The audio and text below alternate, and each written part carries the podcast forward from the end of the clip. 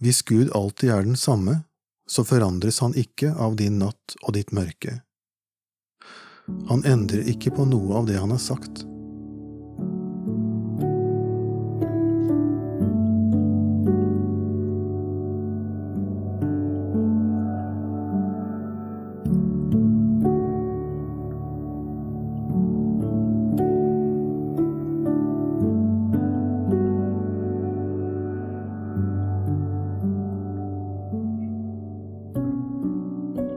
Og sier jeg, la mørket dekke meg, og lyset omkring meg bli til natt, så er ikke mørket mørkt for deg, og natten er lys som dagen. Ja, mørket er som lyset. Salme 139 Hvis Gud alltid er den samme, så forandres han ikke av din natt og ditt mørke. Han endrer ikke på noe av det han har sagt. Jesus tok alt mørket på seg, på korset. Han vant over døden og sto opp igjen. Det er derfor natten er lys som dagen for ham. Han tar ditt mørke på alvor, men ser klart der du ikke ser.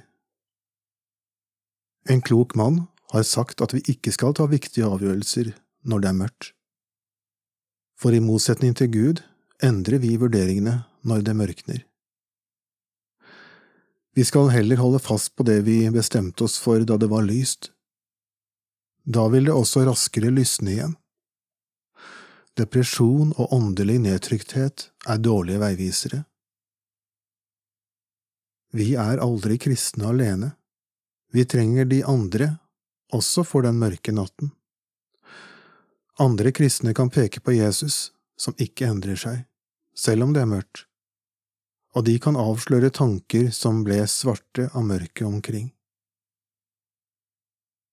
Sjelen trenger omsorg mentalt også, av gode medvandrere eller av gode fagpersoner. De er ikke mot oss, men forvalter Guds skaperverk.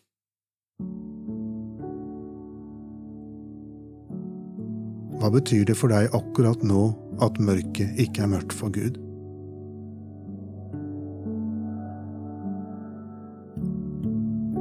Du har hørt en andakt fra boka Vandrebok. Jeg heter Sverre Skilbeid og har skrevet boken.